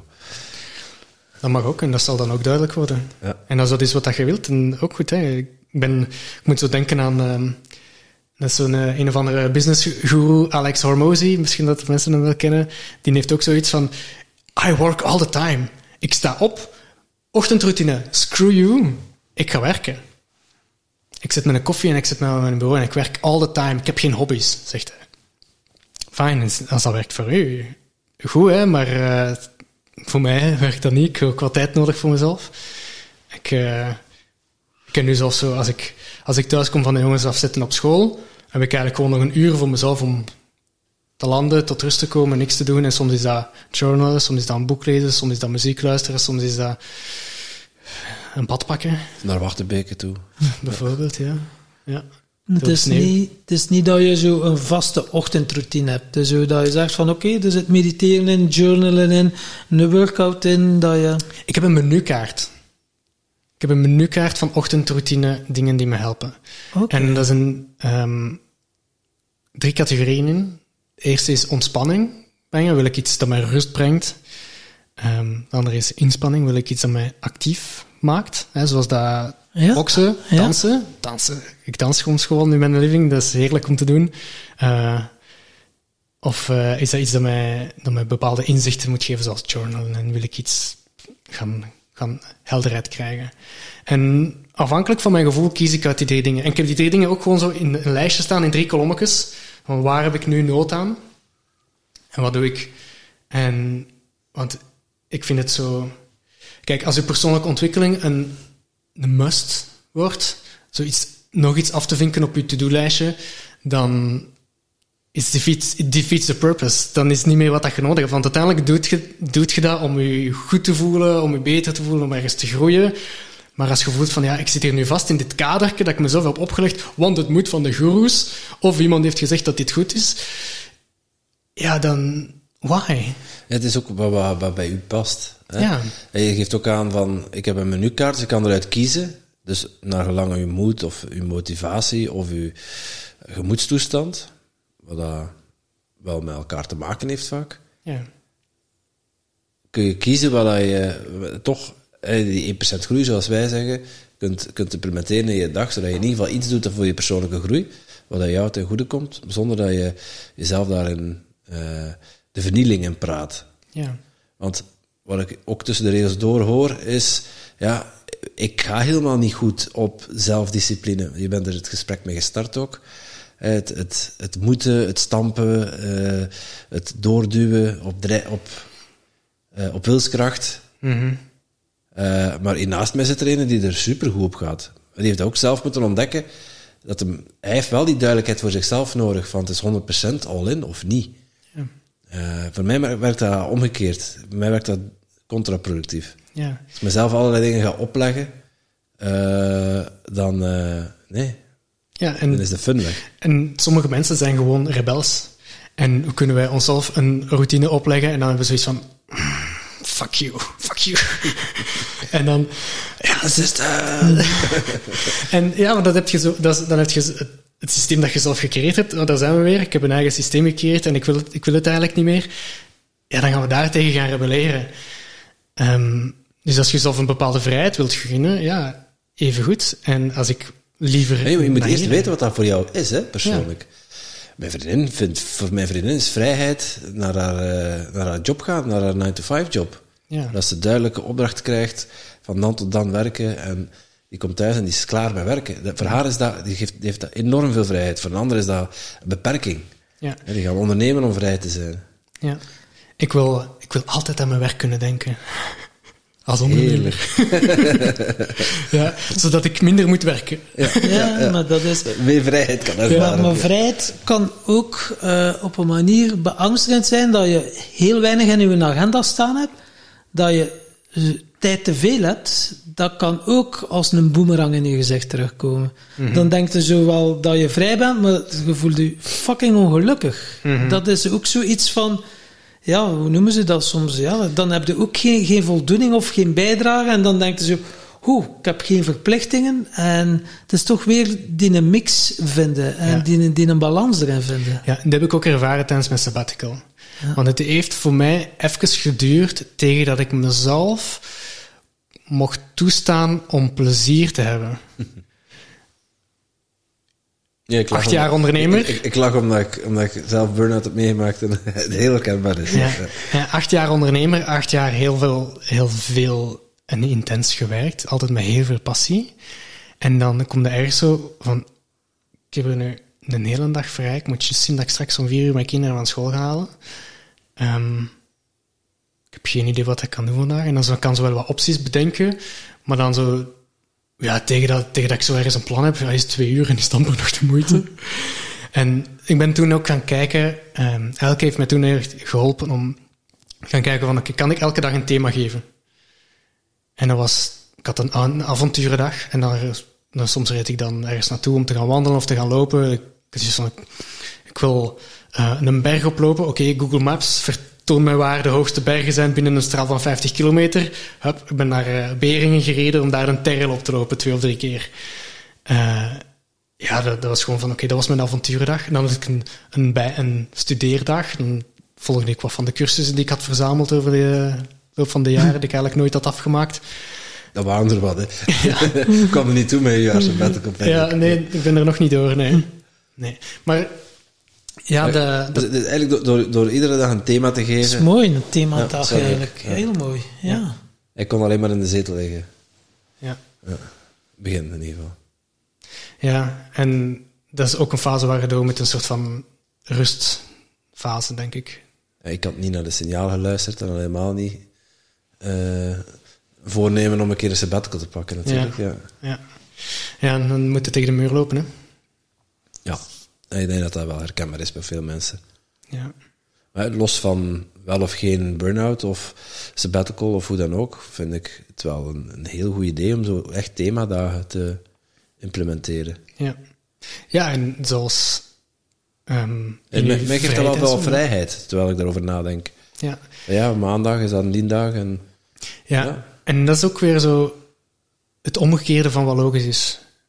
Bepaalde structuur geeft dan ook weer vrijheid. ja. Ja. En Ja. ehm, net zoals jij, Tom, waarschijnlijk vrijheid ervaart in het hebben van een ochtend, van een routine. Mhm. Dat is voor jou dan de vrijheid. Voor mij is de vrijheid die menukaart hebben en daaruit kunnen kiezen. Maar wel zo, ze hebben de structuur is tussen 9 en 10 s morgens. Mij is vrijheid als mijn kleinere crashes. Ja. ja. Eindelijk.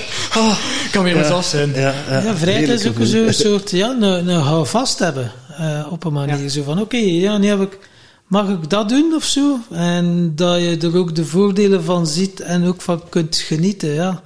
Omdat ik heel, ik heb lang als ambtenaar geweest, eh, twintig jaar ambtenaar geweest.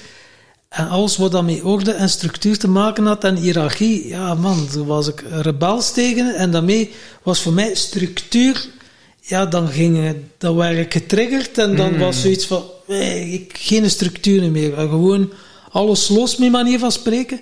Maar nu heb ik geleerd, structuur geeft gewoon vrijheid. Ja.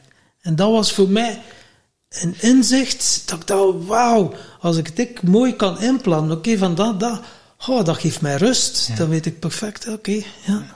En ik wil even benoemen wat, dat jij, wat dat jij nu net... Zo, het, het kader dat je schept is van... On, eerst ambtenaar geweest en heel hard moeten de regeltjes volgen. En dan zoiets van... "Uh, Weg ervan.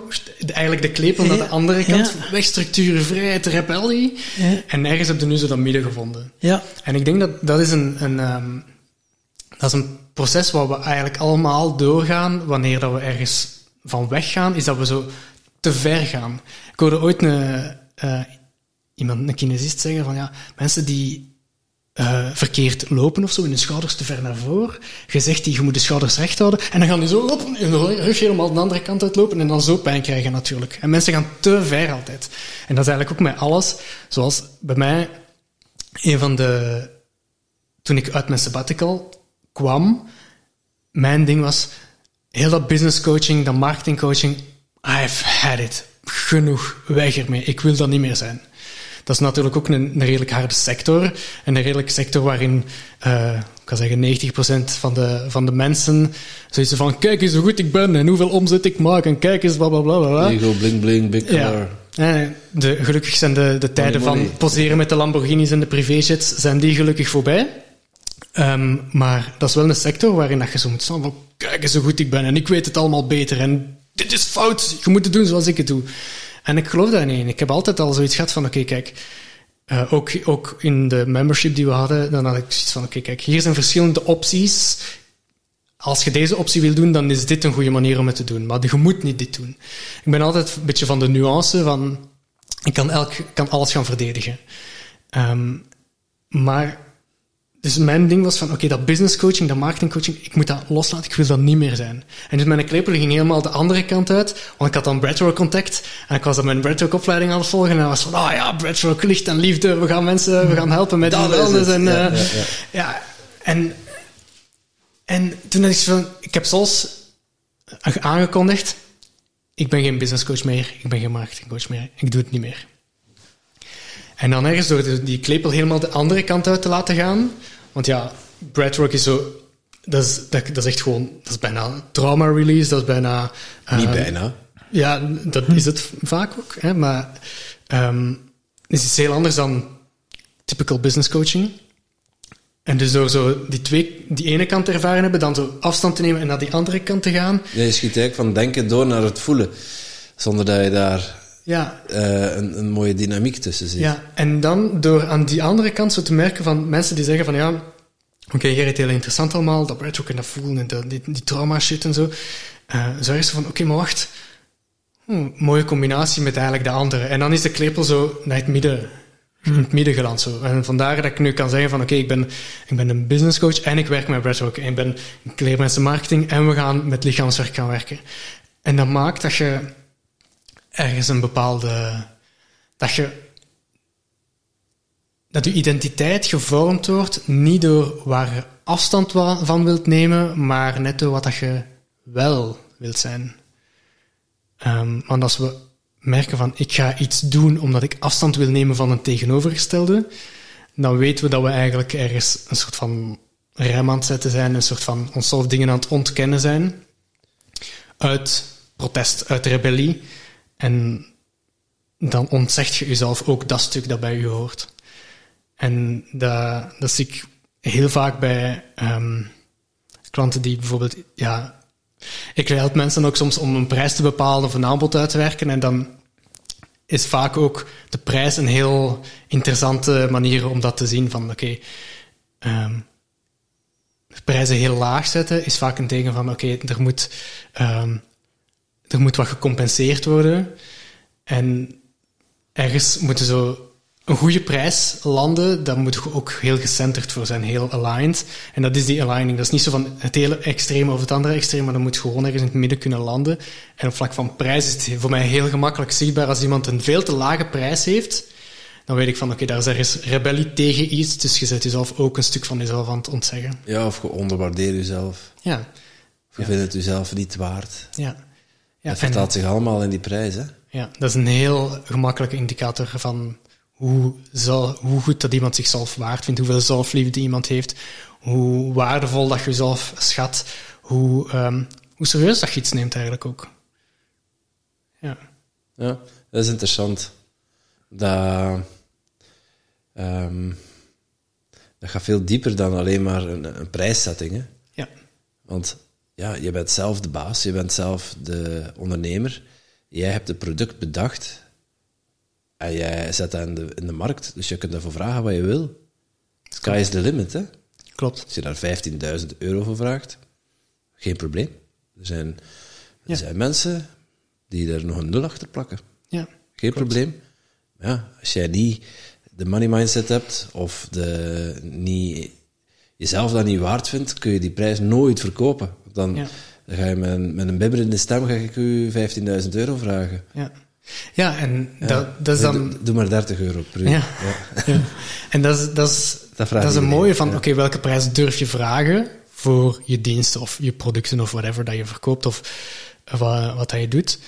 Durf je daar überhaupt een prijs voor vragen? Want dat is ook nog... Ik heb er ook veel die het gratis doen. Vier jaar lang.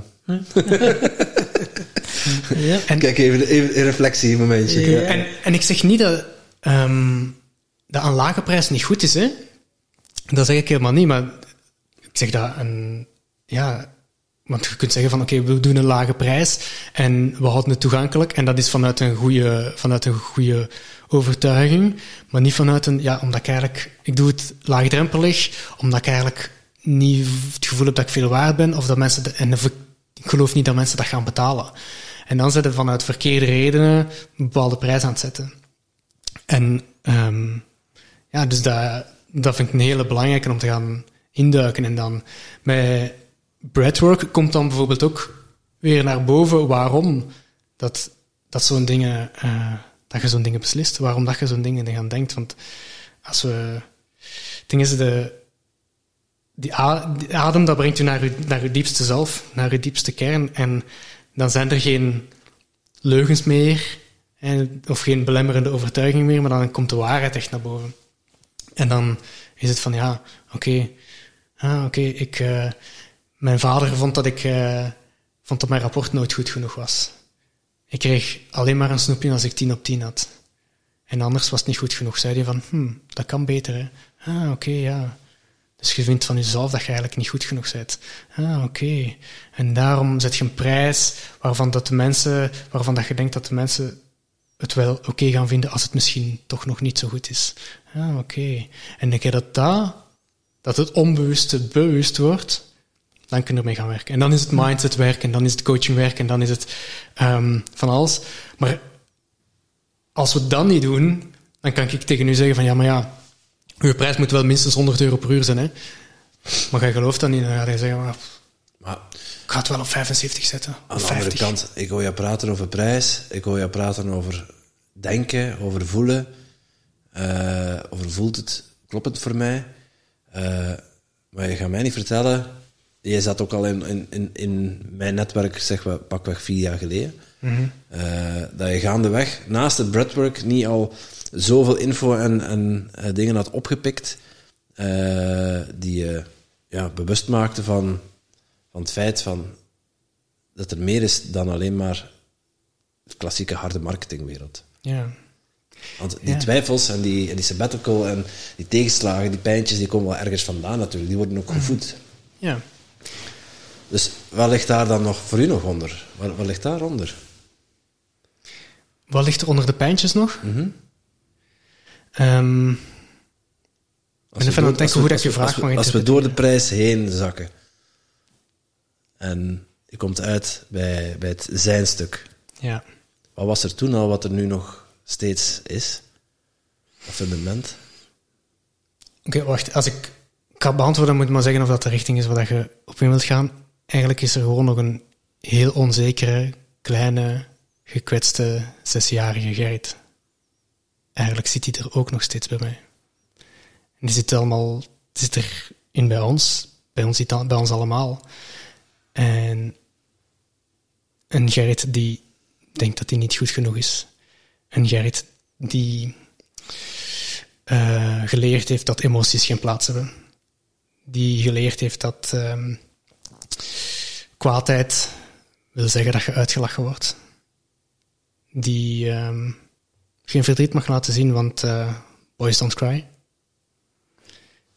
Ja, die zit er. Die zit daaronder. Ja, het is die die de prijs bepaalt. Het is niet die die nu de prijs bepaalt. Nee, nu niet. Nee. Nee. Nee, maar Maar- bij heel, heel veel gevallen, als je. Is, het is dat je kunt zien door die prijszetting van. Dat is wat er onder in die laag Ja. aan fundament zit. als basisingrediënt waar jij het mee moeten doen. Ja, en dat is waar we allemaal, ay, niet allemaal, dat is waar ik gestart ben. Mijn eerste, toen ik startte als, ehm, als ondernemer, dan deed ik freelance copywriting en dan was het, eh, ik denk dat ik, eh, ja, dat 65 euro per uur was of zo. En dan was het, een artikeltje was dan 2 uur werk. En dan was van, hier is een factuurtje van eh 130 euro. Dat is goed verdiend toen. Ja, en ik, was, dat, ik vond dat al heel mooi. Hè? Nu, als ik daar nu op terugdenk, van ja, dit zou ik nooit doen. Ehm, maar, en ik weet dat ik toen al, mensen zeiden me toen al van je zet niet, je zet niet de goedkoopste. Dan denk ik van, ja, die copywriters die aan 50 euro of aan whatever euro per woordje of per lettertje werken, is van, ja, please do something about this. Ehm, maar het, ehm, ja, ik heb, ik heb daar heel hard aan gewerkt ook om nu een veel hogere prijs te durven vragen. Want ja, als je nu met mij wilt samenwerken, dan, dan, spreken we ook van duizenden euro's. En het, ehm, het ding is, ik kan cognitief zeggen van ik ben dat waard, want ervaring en want kijk welke resultaten ik neergezet heb voor mezelf, kijk welke resultaten ik neergezet heb voor klanten. Ehm, hoe dat, dat allemaal veel meer euro's opbrengt. Maar ook omdat ik eh, heel hard gewerkt heb aan mijn eigen waarde en aan eh, het plek geven van die kleine Gerrit. Daarmee gewerkt heb, die gerustgesteld heb, die getroost heb, heel veel aan mezelf gewerkt heb, voorbije jaren, ehm, op heel veel verschillende manieren. En ehm, nu voel van, oké, dit is de prijs die ik voor mezelf durf vragen. En ergens in mijn hoofd heb ik zoiets van, mijn prijs kan nog dubbel zo hoog zijn, want dat is het ook waard, maar eerst plant ik op een prijs die voor mij wel goed voelt. En, ik denk, en dat is het denken en het voelen. Ik denk dat ik deze prijs kan vragen en dit voelt nu goed. Ja. En Daar kan het is kleine die- Gerrit ook mee leven. ja, kleine Gerrit zal verschieten van deze prijs hoor, maar Ehm, Maar ook wel spannend vinden. om ja, Te vragen. Ja. Ja, en dat is, dat is zo erg zowel ehm, ja, een, een uitnodiging om, ja, als we het nu hebben over prijs, van kan ik een prijs zetten, niet van, oh, dan gaat mensen het niet zo erg vinden als het niet zo goed is, maar kan ik een prijs zetten vanuit het idee van, als mensen dit betalen, ik ga uit mijn kot mogen komen. Ik ga echt mijn best mogen doen. Uit de comfortzone. Ja. ja. Ja. Als ik dit durf vragen, I better make it worth it. Zonder jezelf voorbij te lopen. Ja. Ja, en zelfs, zelfs dan nog, ik zeg niet van beloof dingen die je niet kunt waarmaken, maar van, ja, moet je zelf wel een beetje stretchen zo. Ja. Ja. Ja, want uiteindelijk het klopt, hè, ja, de investeringen die je ook al in jezelf doet, al die jaren.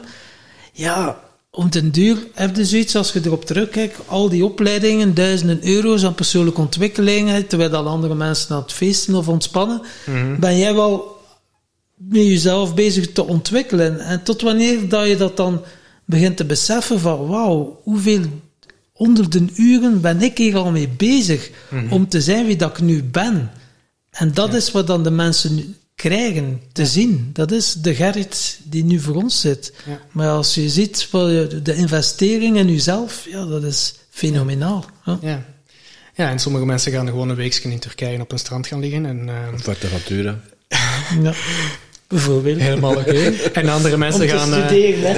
Ah, ja, ja, ja, ja. En andere mensen gaan op retreat om aan zichzelf te gaan werken. En eh, misschien ook in de zon of op Ibiza of whatever. Ja. Maar het is een heel andere insteek. En ehm, ja, het, ik heb niet zo van, ja, je moet daarvoor betalen zodat ik dat kan doen. Maar wel van, dit is, dit is wie ik ben nu. En daar staat een bepaalde prijs tegenover. En ik vind mezelf dat waard. En als het niet voor u is, dan is het oké. Er was Ja. ook het laatst iemand die, die... Ik had hem gebeld over een traject bij mij te starten. En ik had gezegd, ah, we gaan dat doen en dat doen en zoveel, zoveel dagen. En als hij, vroeg hij, ja, en hoeveel uur is dan zo'n dag? Ah ja, dat is van, van 10 tot 6, 16 uur. Eh, van 10 tot 4, ah ja, oké. En dan nog een uur lunch erbij ook. En als hij zo gaan berekenen, ah, dat wil zeggen dat eh uw prijs op 7 euro per uur komt. Ja, nee, daar, daar is, dat is niet voor mij. Dat, dat ben ik niet bereid om te betalen. En dan, ehm, ik stuurde hem van de week. eh, ik moest aan hem denken. Dat was ongeveer een half jaar geleden dat we dat gesprek hadden. Ik, moest aan hem denken. Ik stuurde hem een mailtje. En, hij zei van, ja, ik ben gestart met een, met een marketing agency, want die hadden mij beloofd hoeveel klanten, hoeveel leads te kunnen opleveren enzovoort. En eh, ik vroeg me, ja, en hoe is het daarmee? En ja, ik heb, eh, ik heb ze al 4000 euro betaald. Eh, ik heb al drie salesgesprekken gehad met mensen. Nee, drie salesgesprekken gepland gehad, waarvan er eentje niet is komen opdagen. De andere heeft nee gezegd. En de andere, ik weet het niet, nog zoiets, maar hij had er ook nog niks uit gehaald. Ik heb zoiets van, ja, kijk, we zijn een half jaar verder, 4000 euro minder, eh, heel veel tijd erin gestoken en je staat nog steeds waar dat je zelf staat. Waar dat je stond. Terwijl, oké, als je dat met mij had gewerkt, dan, ja, dan had je nu ook ergens aan, heel ergens anders kunnen staan. En ik maak natuurlijk geen beloftes, zoals een marketing agency dat doet. Ah, we gaan nu zoveel leads of zoveel dit en dat bezorgen. En Zo, zo smijten ze daar je kop. Als je ondernemer bent, dan krijg je zo dat soort mails wel elke dag binnen. Eh, mensen die bepaalde beloftes maken. En ik, kan, ik maak geen beloftes, want ik zeg van, kijk, jij gaat het werk doen. I can't do your push-ups for you. Als je wilt dat ik het voor u ga doen, dan, eh, ja, dan eh, moet je me maar aandelen geven en dan kom je bij mij werken. Ja. If I do the push-ups, Ja. guess who's getting stronger? Ja, ja. dan, dan, als, als ik de beslissingen ga maken, als ik het ga doen, ja, dan is het mijn bedrijf. En dat wilde jij niet. Dus ja, dan kan ik geen garanties geven. Ehm, ik kan nu wel zeggen, ik ga mijn best doen. Ik ga wel zeggen, ik ga ervoor zorgen dat we, hè, dat we gaan proberen te geraken waar dat je wilt geraken. Ik ga wel zeggen, dat zijn beloftes die ik kan maken, maar ik kan er geen resultaat beloven. En ja, logisch ook. Niemand kan dat. Niemand kan. Niet in de persoonlijke ontwikkelingswereld, niet in de businesswereld. Je, je kunt, je kunt misschien, misschien het beste wat je kunt beloven is een niet goed geld teruggarantie of een soort van als we dat niet halen, dan betaalt je niks. Ja, sure. Maar Ja, why not? ja, Als je echt overtuigd bent van jezelf, dan kun je dat doen. ja. Maar ja, alle andere gevallen zijn het allemaal loze beloftes en marketingtrucjes. Hè? Ja, trucjes. En, En, ding is, ik ken ze allemaal, de terugjes. Hè. Ik kan ze er zo Ja, je bent een uitpikken. marketeer, ja. Ja, en ik heb niet het gevoel dat ik in mijn voorbije jaren onethisch ben geweest. Ik heb het gevoel van, ik zou dingen nu anders doen, omdat ik nu wat meer gegrond ben en wat meer ehm, minder quote-unquote trucjes wil gebruiken. Ehm, maar je, kunt, als je daar wat ervaring in hebt, dan, dan kun je ze zo spotten. Hè? En dan hoor je ze in alles. Dan hoort je elke politieker in marketingtrucjes spreken. Dan hoort je Alles, elke... alles is marketing in die zin. Hè. ja. Ja, Alles wat verkocht wordt is marketing. ja. En- zelfs, zelfs Eh, tandpasta, Ja, ik, ik, ik, want ik volg jou al een tijdje. Ik heb van jou nooit het, gevoel, nooit het gevoel gehad dat je bij mensen dingen was aan het opdringen of iets dergelijks. Nee. En sommige mensen wel. Ik heb, ik heb af en toe van mensen mails gehad die zeggen van, je, bent, je bent nu toch wel heel opdringerig. En dan denk ik van, ah, oké, dank u. Ehm, Delete. nee, niet delete, van ik neem het mee en ik ga eens gaan kijken van, oké, wat, wat doet dit met mij? Voel ik, voel ik mij... Ja, wat doet dat in mijn lijf? Wie zegt het, hè? Dat is Ja. één, hè? Wie zegt het en hoe pak je het binnen? Want ja, er zijn, we hebben het al vaak gezegd in onze podcast, er zijn altijd twee groepen mensen. Hè? Mensen die een toffe vinden en die alles wat je doet tof vindt. En mensen die je een klootzak vinden. Ja. Drie groepen mensen. Drie groepen, ja. Er zijn ook mensen die nu nog zo Neutraal, vast- mensen ja. die neutraal zijn. Mensen die zwijgen, Ja, 99 die zitten zelf op boeien. En, en ja, je kunt jezelf dan aanpassen, of je aanbod aanpassen, of je mailing. eh, ik, een goed voorbeeld bijvoorbeeld. Wij waren met, met onze podcast gestart en eh, een van de feedback die wij kregen, we hadden ook zo een, een groepje, een eh, eh, klankbordgroepje voor feedback. En we hadden daarin eh, gedeeld eh, wat verhalen of, of wat dingen over onze podcast. Ja, Hey, de podcast, jullie, eh, als ik kijk zo van wat jullie doelgroep is, jullie- het zijn vooral vrouwen. De, eh, ja, zijn die mannelijkheid, jullie stralen te veel mannelijkheid uit. Je gaat een vrouwen wegjagen. We hebben, oké, dank u wel, we hebben er niks mee gedaan met die feedback. We zijn gewoon onszelf gebleven. Maar wij voelden van, dit is 100% ons, deal with it. Als ik kijk naar onze luistercijfers, onze volgcijfers, is driekwart tot 80% vrouwen. Dus ja, we hadden toen kunnen kiezen om hè, een wat meer zachtere aanpak eh, of, of, of onze tone of voice aan te gaan passen. Terwijl, ja, het resultaat laat iets heel anders zien. Ja. Terwijl wij wel- wilden juist iets maken vanuit onszelf en niet Ja. omdat iemand anders een bepaalde verwachtingspatroon bij had. Ja. Dat zit er dan achter. ja, en dat is waarschijnlijk die ene persoon die dan zoiets heeft van... Ja, voor mij werkt het niet. Of ik zou het anders doen, want... Ja. Maar dat is eigenlijk dat is het ding bij alle feedback die je krijgt, zegt altijd meer iets over die ene persoon dan over, eh, dan over jezelf. En je kunt kiezen of je het binnenneemt of Ja, niet. tenzij het is iemand is die u goed kent en die dicht bij u staat. Dan ben je niet meer authentiek en dat willen we juist zijn, authentiek. eh, want ja, pas op, fake it until you make it. Hè. Je moet ook weer ergens beginnen. En als ik Ja. zie van waar dat kom en dan de ik, ja, zij quote, zij, ja, oké, ik wil ook gelijk hem zijn en dat. En dan is het echt wel van buitenblokken om het ja, een keer dat je die eerste stapjes zet, om toch zo, ah, ik wil gelijk zo, hey, zoals hem zijn. Ja. Tot wanneer dat je zo begint te ontdekken van, wow, maar in mij zit ook heel veel. Dat, het is nog een ruwe diamant, maar die mag geslepen worden. Dus, Daar is werk aan, la- ja, er is heel veel werk aan. Dat is een fulltime job. Maar het is wel een feit, een keer dat je dat beseft en van daaruit gaat gaan praten, komt het ook vanuit een andere plek. Ja. En gaat er ook mensen op raken, op een manier. Ja. Ja. En, en dat is het ding, want alles kan werken. Ik bedoel, laten we het even, Ja. even hebben over de Voor, podcast. voor bepaalde mensen. Ja, we zouden kunnen zeggen. Ik heb van de week naar een podcast geluisterd. Dat was eh een podcast die was duidelijk ingelezen in een studio en uitges- uitgeschreven en ingelezen. En was er, werd er muziekjes doorgemaakt. Dat was echt een prachtige productie. En ik zou kunnen zeggen, hey, dat is een kei populaire podcast, Tim en Tom. Je moet je ook voorbereiden, je moet je teksten uitschrijven, je moet je gasten eh, zien dat ze exact weten wat ze zeggen. Ehm, ze bereiden je al beter voor, gebruikt dus wat meer jingletjes ertussen. Ehm, en dat zou ook kunnen werken. Maar misschien niet voor jullie. Ja, ik een jingle kunnen Voilà, zeg. Dus dan gaat het ook een content. Ja. Yes. Ja, nee, maar dat is, ja, alles kan werken. Maar wat werkt er voor u? Als je deep down inside gaat, wat werkt er voor u? En dat, ik heb ja, als je mensen helpt op vlak van business en marketing, zijn er heel veel should-be-regeltjes. En we hadden het daar straks nog over Instagram. En je moet dan zo vaak gaan posten en je moet dan reels gaan maken. En Ik je krijg moet al dan, jeuk als ik aan denk. Ja, ja, ja. ja. en er zijn zoveel moetjes. maar wat wilde eigenlijk echt? En voor mij is dat ook zo soms loslaten. En bijvoorbeeld in Instagram, soms post ik daar, uh, maak ik een paar dagen lang stories en soms laat ik me gewoon een week lang niet zien. Al goed. Ik maak mijn eigen regels wel. En dat is, als er één ding is dat ik geleerd heb uit mijn uh, sabbatical, is van, oké, eigen regels en um, u niet laten doen door wat er zou moeten gebeuren. Nee, nee. Door wat de andere mensen zeggen dat je zou moeten doen. De post. Ja, van regeltjes gesproken zie als de bel gaat, moet je de deur open doen. Hè? Ja. Maar dat is zijn regel, ja. ja. Je kunt ook voor beslissen om, uh, om gewoon te laten staan, natuurlijk. Ja. Maar, uh, kunnen ze niet zeggen, postbode, zet maar een pakje neer. Ja, ja, ja, ja. je zou dat kunnen, maar uh, ja. ja. Kijk, voilà, het is geleverd. Cadeautje voor onze gast, denk ik. Kijk, dat is een groot pak, ja. Ja, ik ben, ik ben stiekem een drugsdealer en uh, ik kom hier ook. Onze vaste luisteraars die weten dan ondertussen. Ja, ja, okay.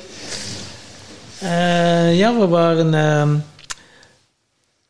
ik zie dat het al kwart over vier is en ik weet dan de mensen... mensen kijken nu op de klok. De leugenaar. het is maar half vier. en er waren mensen die nog om half vijf moesten vertrekken. Dus uh, we gaan onze serietje vragen die we elke week stellen. En een keer afvoeren op onze gast. Pak de shotgun maar. Ja, dus... Uh, we Dit was het stuk waarvoor ik moest schrik hebben, hè? Ja. ja. Tot nu toe waren we... Dat was eigenlijk voorgesprek. We waren nog niet aan het opnemen, hè? Klopt. Maar uh, nu hier. Wat is jouw definitie van geluk? Wat betekent voor jou geluk? Mm -hmm. um,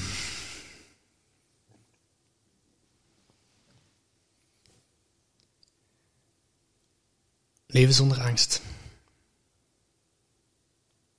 Eens kunnen beslissingen maken, dingen doen vanuit een uh, dit komt wel goed mentaliteit. Okay, en dat kunnen gebruiken om ergens je, uh,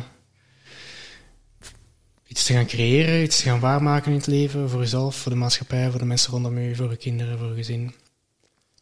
Um, ja, want uiteindelijk, als je, als je kijkt waarom doen we bepaalde dingen niet, is omdat we schrik hebben. En als je kunt die angst loslaten, dan kun je leven zonder, geluk, eh, zonder angst leven en gelukkig zijn. Ja. Dat is toch werk aan de winkel. Ja, als ik even reflecteer. Ja. Kun je überhaupt wel leven zonder angst? Angst kan er ook voor zorgen dat is ook een soort overleving. Dat je het gevaar kan inschatten. Maar is het een reëel gevaar of is het een gevaar dat je. Ja, en er is inderdaad reëel angst. En we kijken links en rechts voordat we de straat oversteken. Terechte, terechte angst. Maar um, als het gaat om. Ja, wat zichtbaarheid. ja, wat, als, als het ik gaat dit ga doen, wat zou die en die dan van mij denken? Ja. Ja, dan heel veel voorkomende angst is. Of ja, angst voor onzekerheid, voor... Voor te falen, hè? Angst om te falen. Ja. Financiële angst. Of om te mhm. stralen. Ja. Mm 100 miljoen angsten. Ja. dus eigenlijk, of, of je angsten accepteren en daarmee leven, of volledig leven zonder angst. Wat, wat, zou het dan zijn? Oké, ik denk als je zegt volledig leven zonder angst, dan zijn we het een beetje in het extreme aantrekken. En dan, gaan we, ja, dan ga je straat oversteken zonder te kijken. Dus dat willen we ook niet. Um, maar ik denk misschien je angst te leren relativeren en zijn plek geven. En kunnen kijken van, oké, is dit nu echt zo erg? Zoals als dit uitkomt. Kan je ze volledig toelaten, die angst, en daarnaar kijken uiteindelijk? Ja. Ja, kan ik. Er is zowel die quote van feel the fear and do it anyway. Dus een beetje daar, maar ook van oké, okay, what's the worst that could happen? En is het echt zo erg? Ja. Is het echt zo erg? Ja, dat is de vraag, hè? Ja, als ik, als ik, als ik mijn, stel ik doe die, een van de dingen die ik, die, die ik vaak gebruik is in dat opzicht is zo een live doen op Instagram of zo. Voor heel veel mensen van, oh, mega angst, ik ga dood, ik doe in mijn broek. Soms letterlijk. Um, van ja, what could go wrong? Ja, maar dat ik niet weet wat zeggen en dat mensen mij belachelijk vinden. Ja, zo wat. Dat zijn dingen die we heel vaak horen in onze voorgesprekken. Ja, zo wat. Ja, als mensen in een podcast stappen. Ja. Ja, uit je, uit je comfortzone stappen. En daar comfortabel in zijn. ja. Mooi. Voilà. Mooi. Eh, succes. Wat betekent succes voor jou? Voor mij. ehm, was het niet de vraag die we net hadden? Daarnet was het geluk, denk ik. Ah, ja, Hoop ik. ja. Ik heb niet goed geluisterd. ik spoel nu even terug. Nee, het was geluk daarnet. Oké, succes. Ehm, dat is de dingen doen die ik wil doen op mijn manier. Ehm, en dit is ergens... En dat gaat niet eens om een doel behalen of zo. Dan gaat het wel om zeggen van, I tried. Ja. En daar hoeft u niet gelukkig van te worden. Dus van sommige dingen word je niet gelukkig. Ah, ja, ge- je, hebt, je hebt daar veel gedaan, hè? Maar dat heeft je dan een uh, tussen haakjes sabbatical opgeleverd. Ja. ja, en sabbatical... Dit, Maar je was en- wel heel succesvol. Ja. Hij was heel succesvol. Dat was niet plezant eigenlijk. Ik zeg altijd, ik raad aan iedereen een sabbatical aan. En je gaat merken dat je het niet zo plezant gaat vinden als dat je denkt dat het is. Ehm, maar ja, succes is gewoon van, oké, kan ik de dingen doen die ik wil doen? En Mhm. ehm, ja, Op jouw heb ik, voorwaarden. heb ik geprobeerd. Ja, dat is mooi. En eh, nu dat we toch in onze vraag, met ons vragenuurtje bezig zijn, moet jij nog een keer een vraag bedenken voor onze volgende gast. Oh, fuck. Eh, Mag ik Ah, weten wie die gast Altijd, is? altijd, altijd zitten. Een van die drie zijn ze toch vergeten. Ja. Eh, dat mag je weten, maar pas na de podcastopname. Ja. Hopla, de koptelefoon valt ervan op. Het universum is niet akkoord. Eh, mijn vraag voor de volgende gast is... ehm, wat doe jij als je het even echt niet meer ziet zitten?